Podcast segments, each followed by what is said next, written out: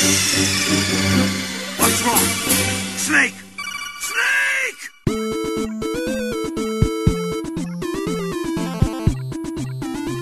Witamy serdecznie w 35. odcinku Gorących Krzeseł, najlepszego podcastu o grach komputerowych i stolarstwie. Ja jestem Krzysiek Seran, a przy mikrofonach w innych częściach miasta siedzą Rafał Patatyn Siemanko. i Kamil Borek. E, Eluwina. O kurwa. Jak, jak wyraźnie Dobra, słychać. Kamil jest na czasie, Kamil wie co się dzieje, Kamil wie co jest popularne. Co prawda zajmuje mu trochę czasu, żeby sobie przypomnieć, co jest akurat na czasie, ale myślę, że możemy mu to wybaczyć. Ale to nam będzie dobrze służyło w tym odcinku, to, że on jest taki na czasie i with it, i hip, i w ogóle. E, ponieważ skoro to jest ostatni odcinek roku 2019, postanowiliśmy go sobie podsumować, jak wypadł rok 2019 ogólnie w Giereczkowie i jak nam się grało i w co graliśmy i w ogóle. I nie wiem jak wy, ale ja chciałem zacząć od takiego ogólnego, nawet nie podsumowania, co po prostu takiego spostrzeżenia. Bo ja się czegoś nauczyłem w tym roku. To znaczy, wyciągnąłem pewne wnioski i, i może nawet morały z tego, jak grałem i w co grałem, i dowiedziałem się o sobie pewnych rzeczy. I tego, to, czego się o sobie dowiedziałem, to jest na przykład to, że ja chyba nigdy nie będę osobą, która ma grę z tego cyklu Games as Service, gry jako usługa, w którą po prostu gra i gra i gra i gra, bo, bo w tym roku zakochałem się w Apex Legends na miesiąc, a potem w Mordhau na miesiąc, a za Mordhau nawet zapłaciłem. Już myślałby kto, że skoro wywaliłem na to pieniądze, to przyciągnie mnie to na dłużej niż darmowy Apex Legends, ale nie, spędziłem bardzo przyjemny miesiąc z jedną i z drugą grą i tyle. Nie zamierzam do nich wracać, pomimo tego, co deklarowałem pół roku temu, kiedy mówiłem, że tak, do Apexów na pewno. Kiedy, mhm, będzie nowa postać, to sprawdzę. Nie, nie, po prostu nie. A z drugiej strony, jak najbardziej są gry, które są dla mnie tymi evergreenami, bo na przykład rok 2019 był kolejnym rokiem, kiedy grałem w Slay the Spire i Into the Bridge i wróciłem do XCOMa 2. Więc e, jeśli chodzi o moje bycie na czasie i w ogóle, to e, do tego się to sprowadzało. A druga, druga ważna lekcja, jaką wyciągnąłem w tym roku, nauczyłem się porzucać gry. Mieliśmy nawet o tym rozmowę w odcinku, ileś odcinków temu, i ja wtedy twardo deklarowałem, że no nie, no, no czasem coś porzucę, ale, ale zawsze planuję do tego wrócić i w ogóle. I miałem takie poczucie winy trochę, no że, że ten Obsydian się tak namęczył, żeby napisać te wszystkie questy w Tyranny czy Pillars of Eternity i, i ja kiedyś wrócę i to obejrzę i w ogóle. Nie, wyzbyłem się tego. Jakby jeśli gra mnie nudzi, to jest to wina gry, a nie moja i jest, jest mi to obojętne. Jest, jest tyle gier, że absolutnie już nie czuję potrzeby, żeby- się przymuszać do czegoś, żeby to przejść do końca. I chyba te, ten rok jest takim, kiedy ostatecznie no, wyzbyłem się tego dosłownie poczucia winy, bo miałem takie, no, no wbiłem w to już 15 godzin, więc, więc to logiczne, że powinienem w to wbić jeszcze 35 godzin, żeby dojść do końca, prawda? Nie, nie jest to logiczne i przestałem to robić i jest mi z tym lepiej. Po prostu nauczyliśmy się wszyscy, mam wrażenie, bo ja chyba podobnie, podobne wnioski w tym roku wyciągnąłem. Nauczyliśmy się bardziej szanować swój czas. Jeżeli, jeżeli jakaś gra nas sama z siebie nie przekonuje do tego, żeby ją ukończyć za jednym razem, za pierwszym podejściem, no to to znaczy, że ta gra nie, nie zasługuje na to, żebyśmy w nią inwestowali tyle czasu, ile ona, ile ona uważa, że, że powinniśmy zainwestować.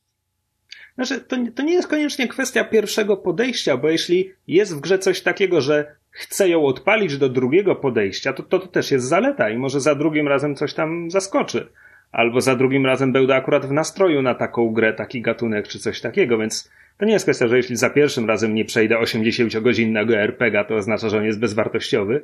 Może nie byłem w nastroju. No, Ja zauważyłem, że jeżeli, jeżeli za, za jakby pierwszym ciągiem nie skończę gry, to potem jak zrobię sobie przerwę i powiedzmy inną grę w międzyczasie zacznę, to jest mi ciężko wrócić do, do, do tej poprzedniej. Tak, tak, tak mam właśnie z Outer Worlds, czego się nie spodziewałem naprawdę. Outer Worlds czekałem na nie od tak dawna. Zacząłem grać naprawdę podekscytowany i dobrze mi się w to grało, ale potem jakoś przestałem i od już dłuższego czasu nie potrafię się przymusić, żeby ją odpalić na nowo. Bo w międzyczasie przeszedłem e, Fallen Order i I to w sumie będzie chyba moja ulubiona gra z tego roku. Też się tego bardzo nie spodziewałem. No, myślałem, że na koniec odcinka będziemy typować nasze gry roku. Okej, okay, to to się wytnie, powiedzmy. Ja będę montował, więc wiecie. Kamil, jakieś ogólne myśli i spostrzeżenia? Znaczy, bardzo, bardzo podobne, ale po prostu też wynikające z tego, że po pierwsze, e, miałem w tym roku dużo mniej czasu na gry niż e, w latach poprzednich, e, więc też jakby podobnie, podobnie do Was. A po drugie, miałem wrażenie, że hmm, już ograłem wszystkie takie starsze gry, w które chciałem zagrać, a w które na przykład tam w pewnym momencie nie mogłem, bo nie miałem, nie miałem odpowiednio mocnego komputera, ale potem miałem już odpowiednio mocny komputer i miałem konsolę, więc zasadniczo już zagrałem we wszystko, co tak wisiało nade mną, co chciałem kiedyś spróbować, ale nie miałem okazji. Więc co, więc teraz mam tylko grać w nowości. A, I strasznie mi ten, jakoś tak, jak sobie myślę o tym, w co ja właściwie grałem w tym roku, to mam ogromny problem znaleźć, e, znaleźć więcej niż no, dosłownie garstka gier, które naprawdę mnie, e, naprawdę mnie jakoś poruszyły. Ja trochę, trochę zazdroszczę, skoro mówisz, że ograłeś już wszystko, co, co kiedyś chciałeś spróbować, bo, bo ten rok jest dla mnie kolejnym, który kończy się, a ja mam na liście rzeczy, których nawet nie ruszyłem z tego tytułu, nie wiem, ileś pozycji a wciąż pamiętam, że w zeszłym roku też miałem ileś pozycji, których jeszcze nie ruszyłem i wciąż ich nie ruszyłem. Więc są gry, które, w których być może kiedyś się zakocham. E, Return of Obra Dinn, Outer Wilds. E, nigdy nie grałem w Undertale. Mam wrażenie, że już wiem wszystko o Undertale, co powinienem wiedzieć o tej grze przez taką osmozę i przebywanie w internecie, ale znowu kiedyś myślałem, że tego spróbuję, ale jakoś nigdy się e, nie nadarzyło. Więc e, nie wiem, moja lista nieogranych tytułów wciąż jest, wciąż jest bardzo, bardzo długa. Czekaj, powiedziałem The Outer Wilds? Tak, to prawda, jest na mojej liście do ogrania. The Outer Worlds również. Mhm.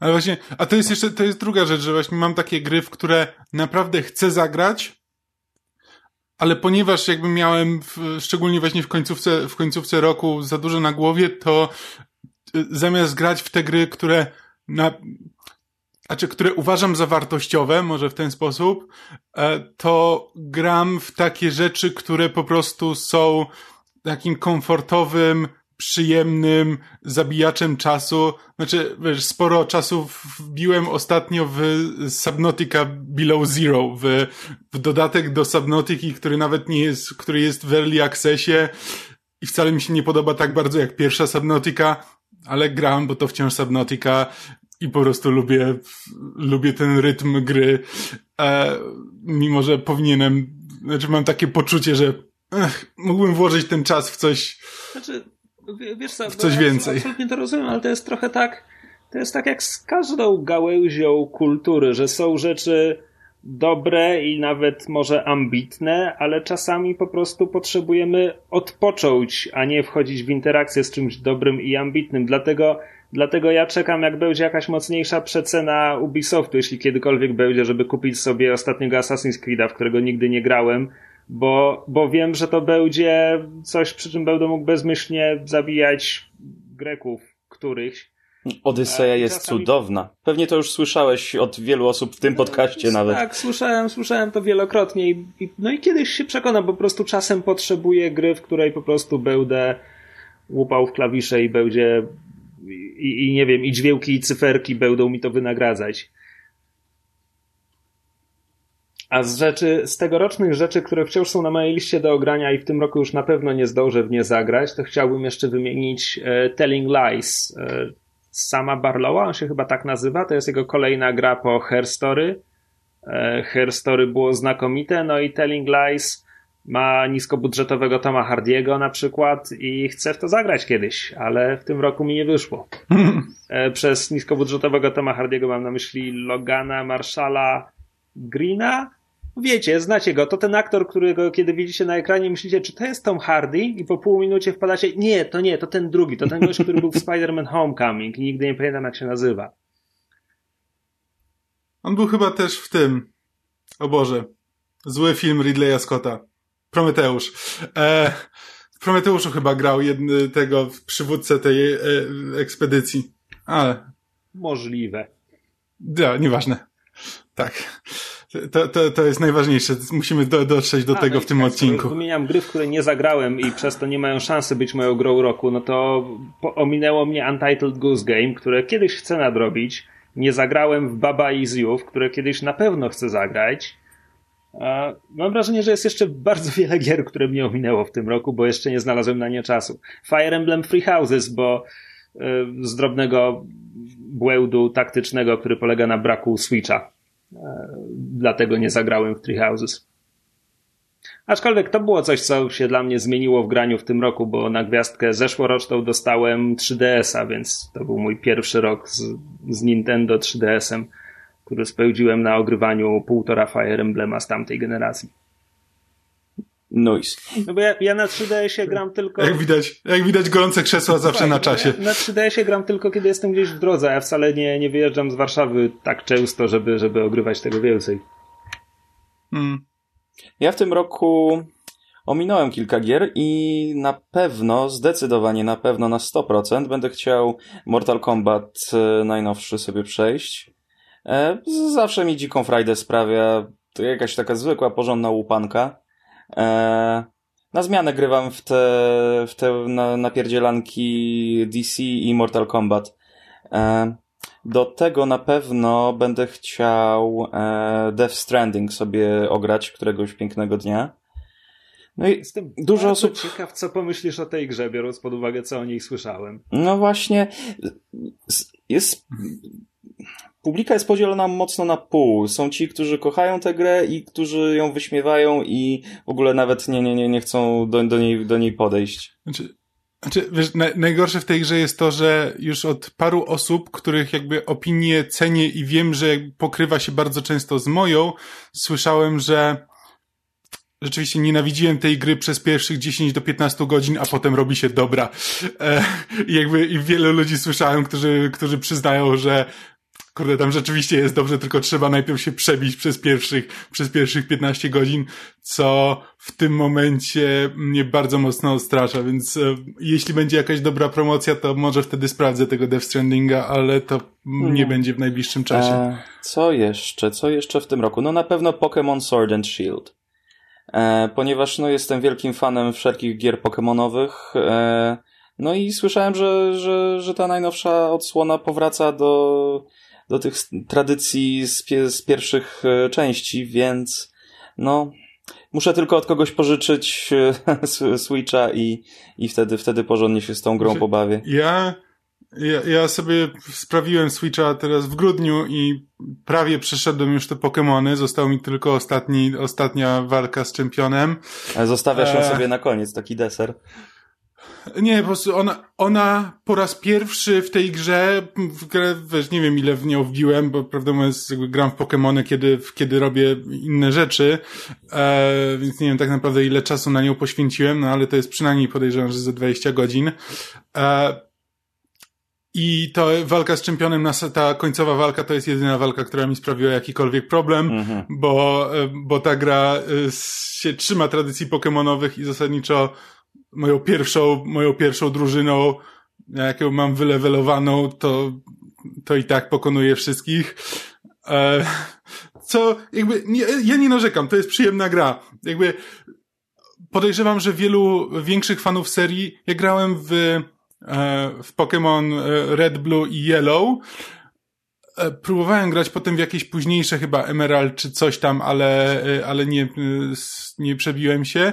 Więc teraz to są takie pierwsze Pokémony od dłuższego czasu, praktycznie od, wiesz, od tych pierwszych, w które gram i ta gra się praktycznie w ogóle nie zmieniła. Mówię, naj, najwięksi fani serii na pewno mi powiedzą, że nie, nie, tutaj, tutaj jest bardzo dużo różnic, tutaj w ogóle w balansie tego jest, są jakieś różnice, ale moje doświadczenie z tą grą jest dokładnie takie, jak doświadczenie z tą grą, kiedy grałem w nią w gimnazjum. i to się nie zmieniło. Są, wiesz, są rzeczy, które ułatwiają trochę, roz, y, trochę rozgrywkę. Wiesz, łatwiej można wsiąść na rower. Masz podpisane, y, kiedy każdy ruch masz podpisany, czy będzie efektywny przeciwko danemu przeciwnikowi, znaczy przeciwko danemu Pokemonowi. Znaczy nie trzeba znaczy, już jeśli nic masz wiedzieć. tego Pokemona znaczy, jeśli masz tego, tego Pokemona w Pokédexie, jeśli już z nim raz, y, jeśli choć raz go spotkałeś, to wtedy już wiesz, mm, które ruchy są. To jest akurat, to jest bardzo dobre, bo szczerze mówiąc, to naprawdę nie jest ciekawe, że ja muszę sprawdzać w Wikipedii, który typ Pokemona jest dobry przeciwko któremu, szczególnie biorąc pod uwagę, że w tych wszystkich nowszych wersjach jest bardzo dużo mieszanych typów, gdzie masz, wiesz, smok, gdzie masz smok, trawa i jeszcze, wiesz, piorun i wszystkie, i łączą te żywioły i sprawdzanie tego analogowo byłoby po prostu wkurzające. Wiesz, no gdybyś, z tego się cieszę. gdybyś grał w kolejne części po Red, Blue, Yellow, no to byś to po prostu się nauczył, tak? Ja, ja mniej więcej pamiętam to wszystko, więc nie muszę, nie muszę sprawdzać. Nie wiem, ja grałem w Red Blue Yellow trzy razy i nigdy się tego nie nauczyłem. Nawet tych podstawowych Znaczy, w sensie gra- y, zależności między typami? Nie. No Jak mnie, tr- znaczy wiesz, no, wiem, że woda jest mocna przeciwko ogniowi, bo to jest takie na logikę, ale te wszystkie, wiesz, czy, czy wróżka jest mocna przeciwko smokom, czy smoki są mocne przeciwko wróżkom, He? No okej. nie, nie wiem nawet jak mam to sobie w głowie zakodować. Nie, po prostu nie mam, nie mam pamięci do tego typu rzeczy. Głównie dlatego, że mnie nie obchodzą. No dobra. No co, co jeszcze byśmy ograli w tym roku? Może coś jeszcze zdążymy w tym roku ograć, myślicie? Ja się zastanawiam, czy sobie przed końcem roku właśnie nie sprawić jeszcze tego Mortal Kombat. Bo to jest coś, co można z doskoku po paręnaście minut sobie pogrywać. Znaczy, ja, ja wiem, że nie skończyłem wciąż Disco Elysium i to nade mną wisi i będę musiał skończyć, ale nie wiem, czy zrobię to w tym roku, bo w tym momencie była przecena na Steamie, więc już sobie kupiłem Devil May Cry'a piątkę e, i, i taką grę Darkwood, o której przypadkiem zupełnie, zupełnie usłyszałem, która jest horrorową grą, podobno bardzo dobrą, e, niezależną. E, więc to są dwie gry, które planuję w najbliższym czasie ogrywać, a do Disco Elysium bardzo, bardzo chcę wrócić, ale jak już się powiedziało, po prostu miałem na tyle, na tyle ciężkich, ciężkich parę tygodni, że po prostu nie mam, e, nie mam łyżek do tej gry. Ja akurat e, zrobiłem sobie przerwę od Disco Elysium, kiedy wyszło Fallen Order, no ale Fallen Order już przeszedłem e, i wróciłem ostatnio. Z tego co kojarzę po internetach zostało mi już tylko parę godzin do, do końca gry, więc e, myślę, że jest spora szansa, że przed końcem roku jeszcze ukończę Disco Elysium, a jak nie, no to w przyszłym roku, bo jakby akurat to, że tę grę ukończę, to, to jestem absolutnie pewien chcę do tego wrócić, chcę zobaczyć, dokąd ta historia prowadzi, a przynajmniej moja wersja tej historii. No ja też ch- zostałem zachęcony do Disco Elysium przez wasze jakby opowieści, ale chyba póki co nie będę miał jak do tego podejść, bo na PS-ie chyba długo nie będzie jakiej wersji, a, a niestety mój laptop już ledwo zipie przy najprostszych grach, więc... Chciałem powiedzieć z kategorii rozczarowań, co zabrzmi strasznie surowo i krytycznie wobec tych gier, ale to, to nie o to chodzi. To są dobre gry. Jestem po prostu rozczarowany nimi, że nie byłem nimi zachwycony. Byłem z nich co najwyżej zadowolony. Bo mam dwa takie tytuły z tego roku i to jest Heaven's Vault i Draugen, gdzie ta pierwsza jest kolejną grą studia Inkle, które zrobiło 80 Days, które uwielbiam, które jest jedną z moich ulubionych gier, jedną z najlepiej napisanych gier, z jakimi kiedykolwiek miałem do czynienia. A, a Heaven's Vault jest sympatyczną grą do zadumy o kosmicznej pani archeolog, która odcyfrowuje starożytny kosmiczny język i odpadłem od tej gry w pewnym momencie po prostu. A Draugen jest nową grą Ragnara Tornquista, mojego ulubionego wikinga wśród deweloperów gier. Człowieka, którego twórczość uwielbiam od prawie 20 lat. Nie, od 20 lat. To jest autor The Longest Journey, całego tego cyklu.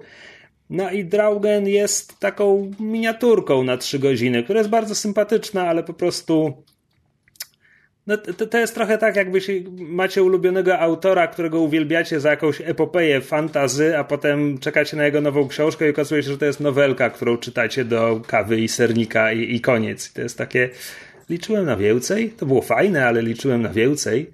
Więc to absolutnie nie jest e, argument jakby, że Heaven's Vault i Draugen są złymi grami. Są bardzo dobrymi grami w tym, co robią.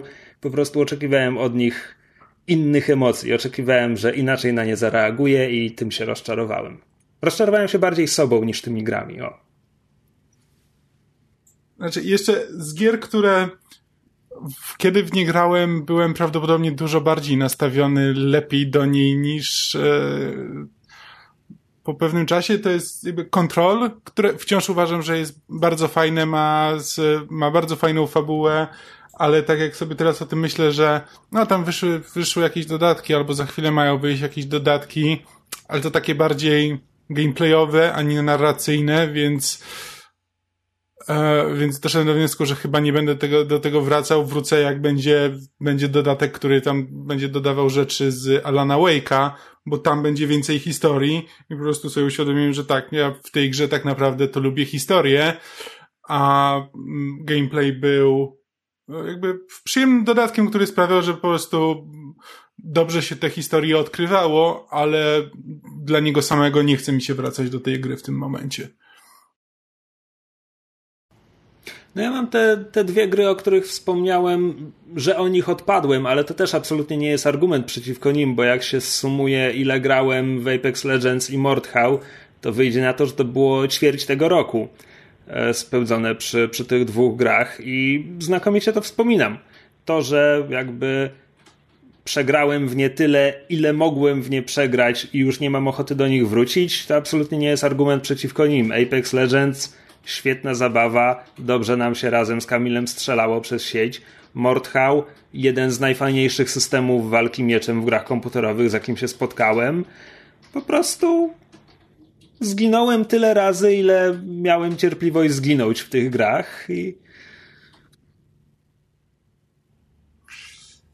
e, Dobrze, to jest, skoro jesteśmy przy zręcznych palcach, to jeszcze mogę powiedzieć o Sekiro, które prawie skończyłem, ale e, po prostu poległem, to nawet nie to, że poległem fizycznie, poległem psychicznie i mentalnie na ostatniej walce, bo nawet widzę, widzę siebie pokonującego tego bossa, tylko że to będzie wymagało ode mnie włożenia jakichś przynajmniej dwóch godzin e, w tę jedną walkę i po prostu znowu nie mam na to, nie mam na to siły mentalnie, e, ale tak poza tym to to jest naprawdę fajna gra. Znaczy bardzo mi się podoba, że From Software e, z każdą swoją grą jakby trzyma się pewnych, pewnych ram, które ustaliło, ma jakiś swój ten stelaż gier, które, które robi, które, które ich interesują, e, ale, ale zawsze potrafi wprowadzić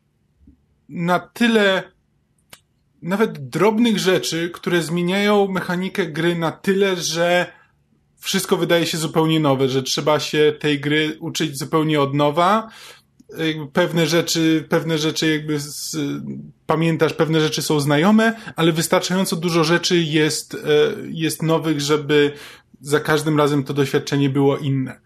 E, I w Sekiro grało mi się naprawdę fajnie, bardzo lubię ten świat, po prostu samo przebywanie w tym świecie jest super, więc jakby z jednej strony wydaje się być taki dosyć przyziemny, a z drugiej pełen, pełen magicznych istot i czarów, ale w dosyć nieoczywisty sposób i e, zasadniczo polecam, warto, warto się przekonać.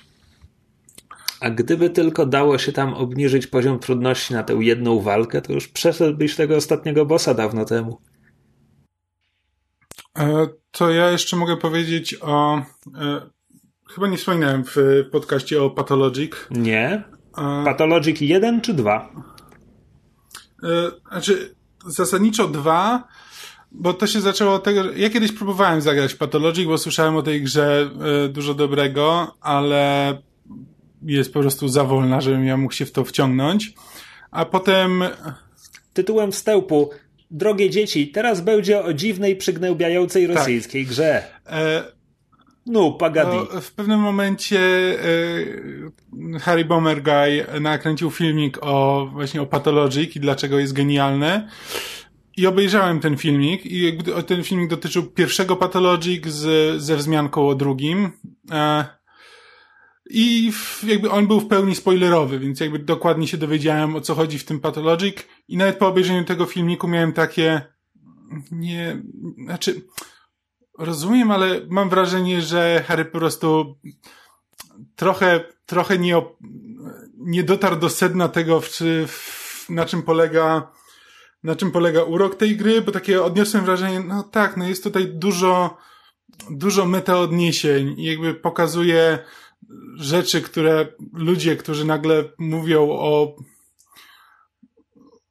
nawiązują do tego, do, do, do doświadczenia gry w świecie, w którym żyją i takie, no okej, okay, no to jest meta. No, po prostu tak sobie myślę, że istnieje niezerowe prawdopodobieństwo, że nie wszyscy nasi słuchacze oglądają Harry'ego Bombergaja, więc gdybyś mógł jakoś racja. przybliżyć, czym właściwie jest Pathologic. Pathologic jest zasadniczo, jeśli chodzi o taki najogólniejszy gatunek, to to jest survival horror. Ale horror jest bardzo mocno psychologiczny.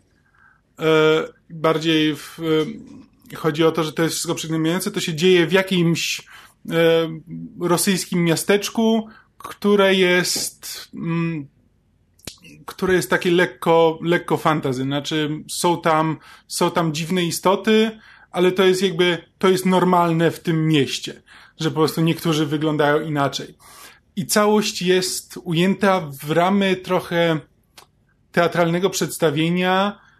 To jest gra, e, gra o grach i o tym, że gry to teatr e, i o tym, że e, teatr trochę pogrywa z e, jakby gry pogrywają z graczami w ten sposób, w jaki teatr pogrywa z, z widzami. To jest bardzo ambitna gra. Czy zmierzasz do tego, zmierzasz do tego, że to jest rosyjski Stanley Parable? Bo takie teraz mam skojarzenia, jak o tym mówisz. Właśnie o to chodzi, że trochę takie odniosłem wrażenie to e, oglądając te filmiki, że to jest taki Stanley Parable, tylko że przygnębiający, a nie śmieszny. Ale że zasadniczo, że to jest wszystko dotyczy, dotyczy gier. E, I no i fajnie, to jest po prostu dużo meta komentarza, no ale to mało mnie interesuje. Ale potem postanowiłem, że spróbuję zagrać Pathologic 2, dać temu szansę i zobaczyć, co się zmieniło. I Pathologic 2 e, po pierwsze e, zawiera mniej jakby filera. Pathologic e, pierwszy to jest chodzenie, głównie. Znaczy tam, żeby przejść z jednego miejsca do drugiego, żeby z kimś porozmawiać, to wszystko zajmuje bardzo dużo czasu a cały czas y, z biegiem czasu spadają ci wszystkie wskaźniki głodu, y, choroby y, i czego tam jeszcze, więc za każdym razem, kiedy gdzieś przychodzisz, to, to, to masz wrażenie, że coś tracisz, a przy tym to wszystko trwa i trwa i trwa. I to jest bardzo długa gra, która w dodatku wymaga trzech różnych trzeba ją przejść trzy razy trzema różnymi postaciami, żeby złapać całą historię, bo, bo rzeczy się zmieniają, bo są trzy różne postaci i jakby te trzy postaci są w świecie gry. Jakby jeśli grasz jedną z nich, to pozostałe dwie też tam są, ale historia trochę się zmienia w zależności od tego, kim grasz i żeby poznać całość, musisz, e, musisz przejść wszystkimi postaciami. E, e w dru to brzmi bardzo intrygująco, a jednocześnie brzmi to jak coś, do czego nigdy nie miałbym cierpliwości. Bo tak, i szczególnie, szczególnie właśnie w pierwszym patologiku, po prostu nie mam do tego cierpliwości. Drugi trochę się stara, żeby, e, żeby ten czas pomiędzy jedną a drugą rozmową, pomiędzy przejściem z jednego miejsca w drugie e, był, e, był krótszy, żeby tam cały czas coś się działo, więc jakby cały czas poznajesz historię, cały czas z kimś rozmawiasz i ktoś ci coś mówi ale wszystkie postaci właśnie mówią w kompletnie odrealniony, teatralny sposób. Nigdy nikt nie mówi normalnymi zdaniami. To nie jest tak, że rozmawiają. Wszyscy mówią tak, jakby, e, jakby byli na scenie. E, a w dodatku to jest, i to jest w grze. Jakby zaczynasz od tego, że jesteś na scenie e, i ze, ze sceny schodzisz i wszystko, wszystko dzieje się to nie jest, to nie jest spójny świat, bo już na samym początku parę razy, e, parę razy budzisz się e, w, jakby ze snu i różne rzeczy się dzieją, ale to jest wciąż część tego, to nie jest tak, że to jest sen, a potem jak się budzisz ze snu, to jesteś w prawdziwym świecie. To wszystko jest jakby częścią historii. Rozmawiasz, rozmawiasz z najróżniejszymi postaciami i mimo że to jest właśnie tak odrealnione, to wszystkie postaci, z którymi rozmawiasz, mają jakieś własne cele. I gra ci nie mówi też, musisz to sam e, wydedukować, komu na czym zależy, bo postaci będą ci kłamały, ale, albo nawet nie będą kłamały, będą mówiły coś, co według nich jest prawdą, ale ty sam musisz zdecydować, czy, czy powinieneś tej osobie zaufać, czy nie. E, I gra w ogóle, ty, po prostu rozmawiasz tak, jakbyś rozmawiał z ludźmi i musisz sam zdecydować, czy, czy oni ci mówią prawdę, czy zgadzasz się z ich podejściem do świata, czy, e, czy ich wizja świata się pokrywa z twoją i tym, co, e, tym, co byś, e, co byś chciał osiągnąć.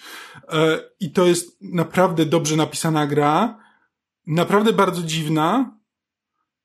Jestem przekonany, że bardzo dużo osób by ją nazwa, nazwało pretensjonalną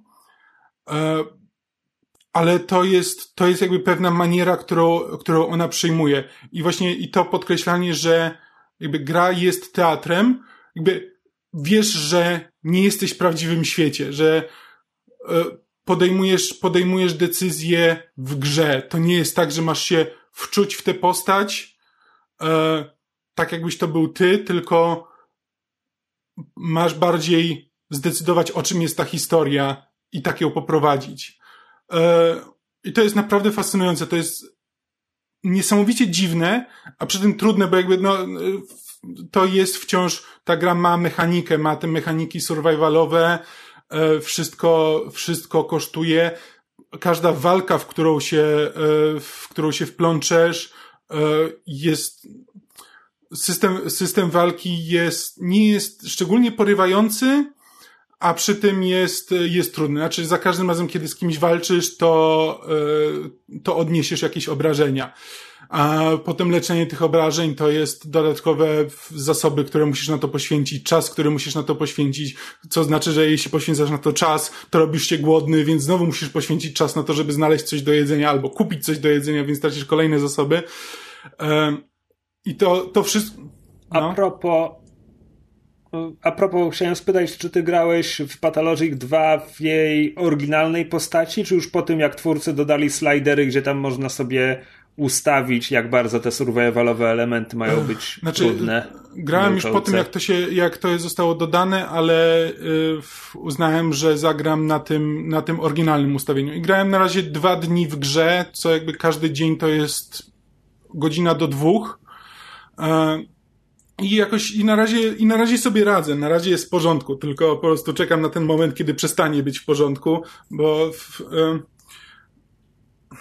i to jest pisane, znaczy to jest, cała historia polega na tym, że jakby w tym mieście, w którym jesteś, zaczyna, zaczyna grasować plaga. I jakby różne właśnie te postaci, e, postaci, którymi, e, którymi grasz, mają jakiś swój pomysł na to, skąd się wzięła ta plaga, e, i jak sobie z nią radzić. Jakby niektórzy są niektórzy e, się kierują nauką, niektórzy trochę bardziej e, e, duchowymi aspektami i a przy tym mnóstwo osób próbuje wykorzystać to wszystko dla różnych politycznych celów.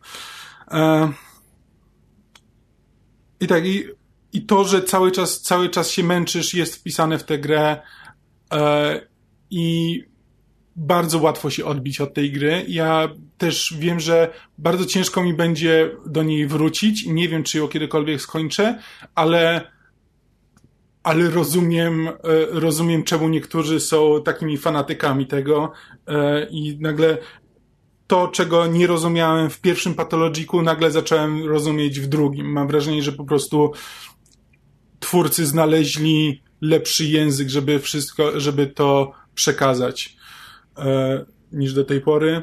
No a przy tym też nie wiadomo, czy ta historia się kiedykolwiek skończy, bo jakby w dwójce postanowili. Dwójka zasadniczo opowiada tę samą historię co jedynka, ale inaczej. Jakby to jest, to jest taki remake, który nie jest remake'iem, no bo ponieważ to jest wszystko teatr, ponieważ to jest wszystko sento, to jest troszkę um, troszkę takie, że niby, niby to jest to samo, ale, ale zupełnie inaczej. E, I w, w dwójce po prostu masz jedną z tych trzech postaci, pozostałe trzy, pozost, znaczy pozostałe dwie postaci miały się e, pojawiać jako e, osobne gry, tylko że no, ta gra jak na razie nie, nie zarabia chyba na tyle dobrze, żeby, żeby było pewne, że kolejne części powstaną. A to już zobaczymy. Ale nie wiem, myślę, że jeśli ktoś ma pewną taką odporność na artystyczne eksperymenty, to, to warto dać temu szansę.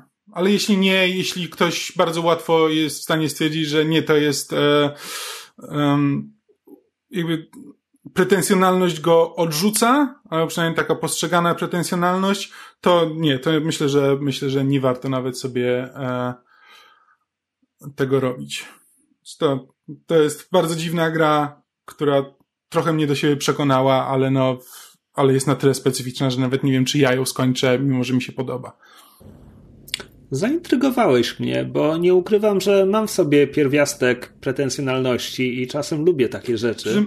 Polecam, A z drugiej polecam strony... autentycznie y, obejrzeć jakiś filmik, na przykład mo, może być y, może być Mandalore Gaming, o Pathologic o pierwszym. On jest y, ze spoilerami i warto, warto się po prostu dowiedzieć, na czym polegała pierwsza gra i potem zagrać, potem zagrać w drugą. Bo to ci po prostu daje jakąś taką podbudowę, która ci przygotowuje na to, o czym to wszystko jest i jakich wątków powinieneś się spodziewać. Okej. Okay. Być może to zrobię. Niczego nie obiecuję.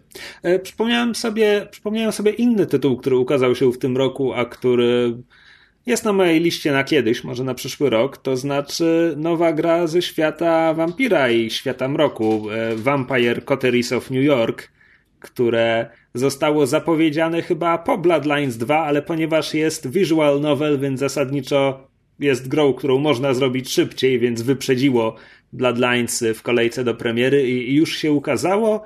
I widziałem, umówmy się, umiarkowanie optymistyczne recenzje, że jest ok, ale bez przesady.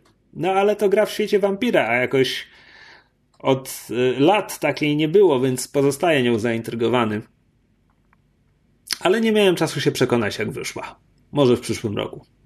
Tak. Co do Outer Worldsów, to też mieliśmy o tym cały odcinek, więc e, tam można usłyszeć, czemu na przykład to nie będzie gra na, mojej, e, na moim podium. Ale to jest dla mnie bardzo ciekawe, pomimo tego, że pamiętam, co mówiliście o The Outer Worlds, to wciąż jest dla mnie bardzo ciekawe, że obaj odpadliście i nie możecie do niej wrócić. Znaczy, ja mam, znaczy, znaczy jakby gameplayowo nie jest na tyle interesujące, znaczy inaczej, narracyjnie nie jest na tyle interesująca, żeby dosyć średniawy gameplay e, mnie przy niej utrzymał. Że gdyby, gdyby któraś z tych części była naprawdę, naprawdę bardzo dobrze zrobiona, no to wtedy trudno, bym tam sobie to, trudno, że strzelanie nie jest szczególnie interesujące, jeśli fabuła mnie naprawdę porwała. Ale fabuła mnie naprawdę nie porwała. A z drugiej strony, poczytałem sobie trochę spoilerów o tej o grze o końcu i wcale nie miałem wrażenia, że wiele tracę, więc tak już zupełnie straciłem, e, straciłem napęd. Ale skoro jesteśmy przy The Outer Worlds, to Kamil, ty grałeś w The Outer Wilds, prawda? Nie, nie, Kamil nie grał w The Outer Wilds, to, to jest kłamstwo. E, znaczy grałem, grałem, grałem godzinę, może, może dwie e, i mam zamiar do tej gry wrócić, e, ale wszyscy jakby, wszy, wszystkie recenzje, jakie czytam, to jakby wspominają, że tak, ten początek, początek potrafi odstręczyć niektórych, i akurat mnie trochę odstręczył, nie miałem siły, żeby, e, żeby to dokończyć. To jest to samo co Disco Elysium. Chcę to skończyć, chcę te, do tej gry wrócić, ale po prostu w tym momencie e, nie mam, nie mam mentalnie na to siły. Więc nie mam niestety nic ciekawego do powiedzenia o tej grze. No, ja tylko dodam, że to nie jest ten sam przypadek. Disco Elysium ma absolutnie fenomenalnie wciągający początek. No okej, okay, tak, tak, ale nie po prostu chodziło mi o to, że to jest bardziej kwestia e, mojego mentalnego podejścia w tym momencie niż, e, niż samej gry.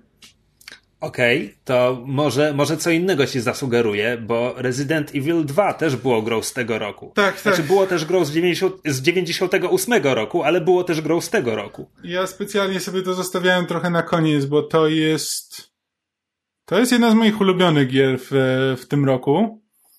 E, I być może skończy na pierwszym miejscu na podium. Wpadłem w cuk Resident Evilów w pewnym momencie i Resident Evil 2 z jednej strony wpisuje się w ten klimat, w te, w te mechaniki, w to, co znam z poprzednich gier, a przy tym wszystko y, robi tyle, tyle rzeczy na nowo y, i rzeczywiście jest w stanie sprawić, że te od czwórki Resident Evil to jest taki survival horror, ale bardziej w stronę akcji. Znaczy, czwórka była kampowa, e, było, w, było naprawdę zasadniczo, zasadniczo to była gra akcji, tylko w takich klimatach horrorowych. Natomiast dwójka e, jest w stanie sprawić, że ta gra ma dużo cięższy klimat, mimo że trochę kampu wciąż w niej zostało. Jakby tam cały czas chodzimy i zbieramy klucze z klejnotami e, w różnych kształtach, w kształcie serca albo w kształcie karo i czegoś w, e, w starym muzeum, które zostało zmienione na e, posterunek policyjny które jest z kolei połączone z sierocińcem, w którym były jakieś, jakieś eksperymenty, z kolei to wszystko jest połączone z jakąś tajną bazą, e, a przez to wszystko ściga cię e, niezmordowany, nieśmiertelny zombie w płaszczu i kapeluszu. Więc ta gra ma w sobie te elementy kampu, które mają w sobie wszystkie, wszystkie Resident Evile, a przy tym mechaniki i klimat, który sprawia, że cały czas cały czas czujesz napięcie. E, ale też nie jest to, nie jest to przytłaczające, nie jest to przygnębiające. E, więc ja tę grę przeszedłem dwa razy e, obiema postaciami i zacząłem grać trzeci raz w New Game Plus, po czym stwierdziłem, że, a jeszcze tam jakieś dodatki, tylko przy okazji dodatków stwierdziłem, że a, powinienem w to zagrać na PC, bo w, e, jednak padem nie mam takiej celności jak, e, jak na PC, więc e, kiedy już próbuję grać na, na wyższych poziomach trudności, które wymagają po prostu e, mniej pomyślunku, a więcej też takiego po prostu e, fizycznego, e, szybkiego celowania, to może by to było, to może spróbuję na PC i teraz też jak była, jak była jakaś większa wyprzedaż, to sobie, to sobie też kupiłem tę grę i jeszcze i mam zamiar do niej wrócić, więc i cały czas o niej myślę. Jakby zapowiedź Resident Evil 3 była jedną z zapowiedzi, na którą się najbardziej ucieszyłem w tym roku. E, jakby ta gra też sprawiła, że postanowiłem wrócić do siódemki i cały czas, cały czas po prostu nie jestem w stanie przestać myśleć o Resident Evilu. Jakby sesja świąteczna jest związana z tym, że nie mogę przestać myśleć o Resident Evilu. E, więc coś jest w tej grze, co po prostu mi się zagnieździło w umyśle i nie chcę puścić. Czyli zło w twoim umyśle zajęło rezydencję. Oh god. Tak. It's residing in your mind. Aha, aha, aha, mm -hmm, tak. Mm -hmm. Dobra, tak, przepraszam. Tak. Oj. Chyba jest moment, żeby każdy z nas, tak, wskazał swoje tytuły. Kto chce iść na pierwszy ogień? Rafał, ty dawno nic nie mówiłeś. Wytypowałem się na ochotnika. Tak, e, na pierwszym miejscu myślę, że będzie to Jedi Fallen Order. Bo jednak jest to gra ze wszystkich gier, które grałem w tym roku, najbardziej mnie ona wciągnęła, chwyciła mnie za duszę i przytrzymała przy sobie aż do samego końca. Nie przypominam sobie w tym roku, żebym którąś grę tak szybko pochłonął. Jest to jednak gra, takiej gry mi brakowało od dawna gdzie jest to po prostu fajny single player z fajną historią, e, nie nastawiony na wyciąganie pieniędzy od graczy. Jestem, ja tak nienawidzę gier jako usługi. Tyle fajnych tytułów, tyle fajnych serii yy, się przejechało na tym i straciło w moich oczach, że naprawdę zobaczyć, w, zobaczyć w końcu grę, która nie została zażarta przez rynek kapitalistyczny, to po prostu łezka wokół mi się kręci. Um, pamiętasz, że ona wciąż kosztowała 240 zł, prawda? Nie, tego nie pamiętam. Zapomniałem, nie mów o tym. A y, czy chcesz uzupełnić podium, drugie i trzecie miejsce, czy tylko jedną grę typujesz? Na trzecim miejscu dam Borderlands 3, a drugie miejsce zostawię. O, bo tak, bo mogę. Proszę bardzo, twoja decyzja. A gdybym ja miał typować, no to mogę zacząć. e, Nie, nie mogę zacząć od dołu, bo to będzie bardziej skomplikowane. E, Na pierwszym miejscu Disco Elysium. Nawet jeśli brakuje mi jeszcze paru godzin do, do ukończenia, jakby czekałem na tę grę, odkąd pierwszy raz o niej usłyszałem. Nie tylko się nią nie zawiodłem, ona jeszcze przekroczyła moje oczekiwania, robiąc coś, robiąc dużo bardzo niespodziewanych rzeczy. Jest po prostu świetnie napisana. I szczerze mówiąc, pomimo 20 lat sentymentu, dla mnie Disco Elysium jest po prostu lepszą grą od Planescape Torment. Uwielbiam Planescape Torment, ale nie potrafię zapomnieć o tym, że tamta gra ma choćby tę koszmarną walkę i Disco Elysium tak bardzo wygrywa przez to, że ma tylko narrację i nie ma beznadziejnej walki wepchniętej na siłę. U ciebie, u ciebie i w RPGach, i w, i w grach nie lubisz walk. Ewidentnie. Uwielbiam walki. Czemu, czemu od trzech lat gram w XCOMa i Into the Bridge i jakby uwielbiam walki. Nie ma RPG, który robi dobre walki.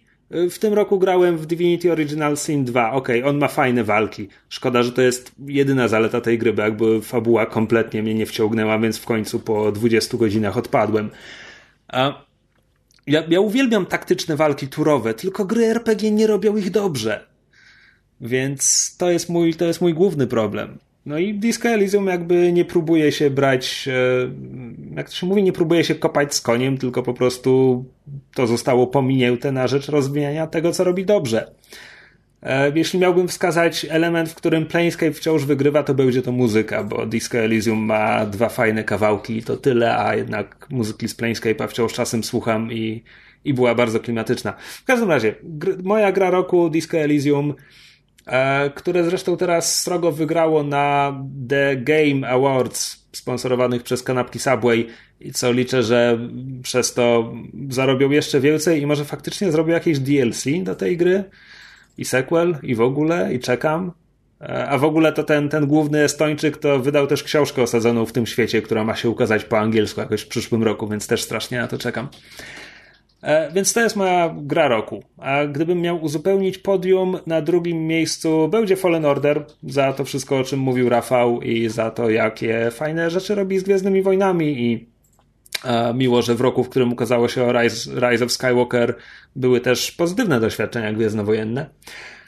A na trzecim miejscu mam problem, bo najchętniej umieściłbym tutaj jedną z wielu gier, e, w które grałem w tym roku, które nie, nie ukazały się w tym roku. Bo na przykład e, Dishonored Death of the Outsider ograłem dopiero w tym roku. Czy tak jak mówiłem, wciąż gram w Slay the Spire, Into the Bridge i tak dalej. Znakomite gry sprzed roku albo dwóch. Gdybym musiał wskazać jakiś tytuł tegoroczny, to byłby to remis między Mordhau i Draugen dwie bardzo, bardzo, bardzo różne gry, które z różnych powodów dały mi mniej więcej podobną frajdę, nawet jeśli żadna z nich ostatecznie nie okazała się tak dobra i tak wciągająca, jak na to liczyłem. Więc to jest moje podium. Na pierwszych trzech miejscach są cztery gry, ponieważ nie ma zasad, sami sobie sterem, żeglarzem i okrętem. Kamil? No to ja myślę, na pierwszym miejscu postawię Resident Evil 2 remake. E, I na, na drugim i trzecim miejscu będzie prawdopodobnie Control i Sekiro.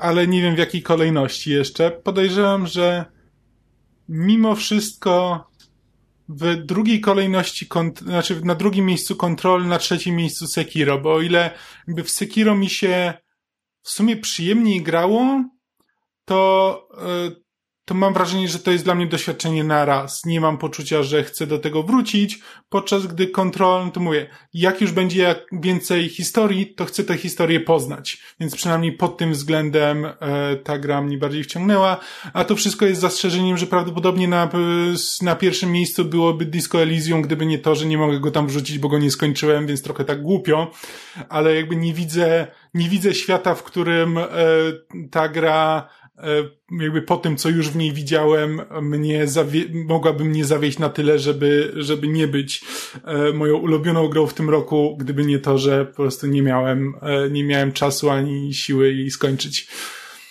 Ale jakby nie jest, nie z winy samej gry.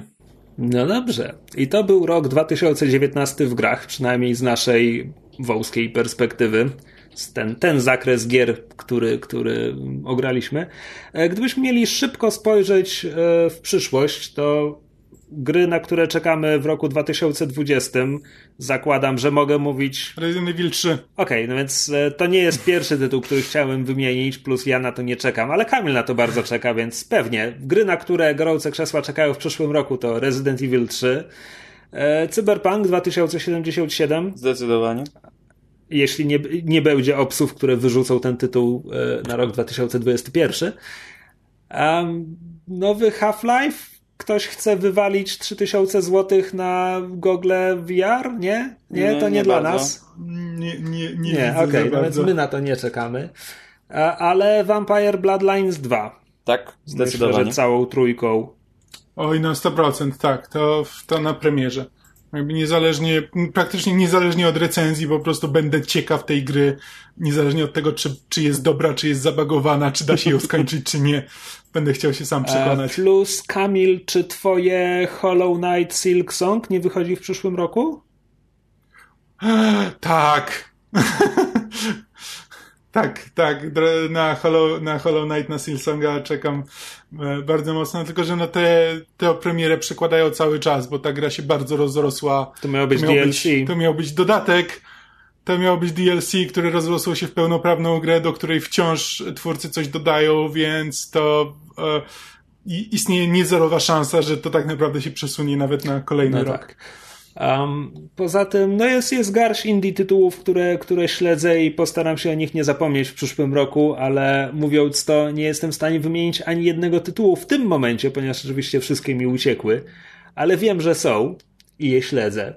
A nie, czekaj, mogę powiedzieć, bo nawet grałem w demo. E, The Drifter, australijska przygodówka, e, bardzo pixelartowa, to znaczy to naprawdę nawiązuje do pierwszej połowy lat 90., ale bardzo klimatyczna gra o australijskim włóczędze, który wikła się w jakąś bardzo niebezpieczną aferę. Wygląda na sympatyczny, mroczny thriller, który wizualnie nawiązuje do bardzo klasycznych point and clicków, ale pod względem trudności zagadek i tempa gry to jest raczej środkowy Telltale, coś na poziomie pierwszego sezonu Walking Dead, gdzie to ma to się toczy szybko. Tam trudno się zaciąć na zagadkach, przynajmniej demo nie sugerowało niczego skomplikowanego.